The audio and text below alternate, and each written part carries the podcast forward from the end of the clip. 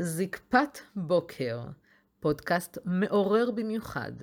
הקשר בין התת-מודע לתפקוד המיני, בהגשת שלומית וולפין, מומחית לאבחון וטיפול בחסמים הפוגעים בתפקוד המיני. תוכן עשיר, מוגש ברגישות ואלגנטיות, לצד פתיחות והרבה אהבה והכלה. בפינת השאלות הנפוצות, האם זה נכון שעם קונדום לא מרגישים כלום? קונדום נועד להיות מגן מפני כניסה להיריון לא רצוי, וכן עוזר בחלק מהמקרים במניעת העברת מחלות מין. יעילותו נמדדת בכ-99%, וכמות המשתמשים בו בעולם גובלת במיליונים רבים. ועם זאת, עדיין עולה וצפה שאלה לגבי התחושה שיש, או אין, באיבר המין בעת השימוש בו. ברור לנו שכאשר חודרים לחלל האישה, יש תחושה מסוימת, תחושה הכוללת את חום גופה של הפרטנרית, כולל הלחלוכית העוטפת את איבר המין בעת החדירה או לאורך כל השהייה במקום. זו תחושה שבאמת אין שנייה לה. אז אם הקונדום, שהוא בעצם חוצץ בין האיברים, האם הוא גורם לכך שלא נרגיש כלום? אני אומרת שזה תלוי בגורמים רבים. גורם אחד הוא האמונה הנלווית לאירוע. מה הכוונה באמונה?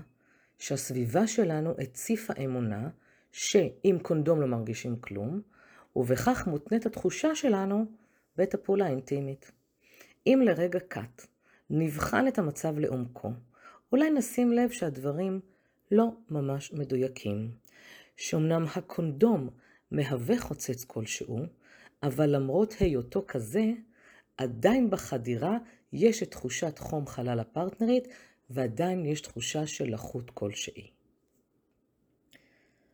על אחת כמה וכמה אוסיף את הדבר הבא. בחורים שמעולם לא קיימו יחסים ללא קונדום, אומרים שלא מרגישים כלום. שהרי אם מעולם לא חדרתם לחלל אישה ללא קונדום, אז איך אתם יודעים כיצד זה אמור להרגיש?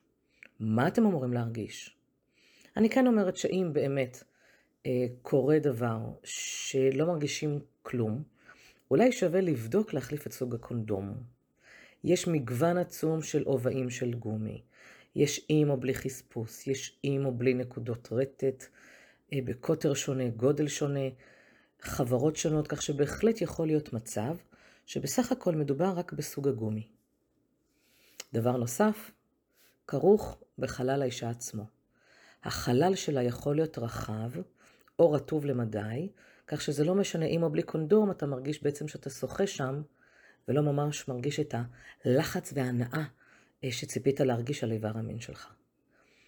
ואני מוסיפה ואומרת שבפעם הבאה שתקיים יחסי מין עם קונדום, תהיה מספיק רגיש לשים לב מה אתה כן מרגיש ולא מה אתה לא מרגיש. שים את הפוקוס על מה שכן. מוגש באהבה, שלומית.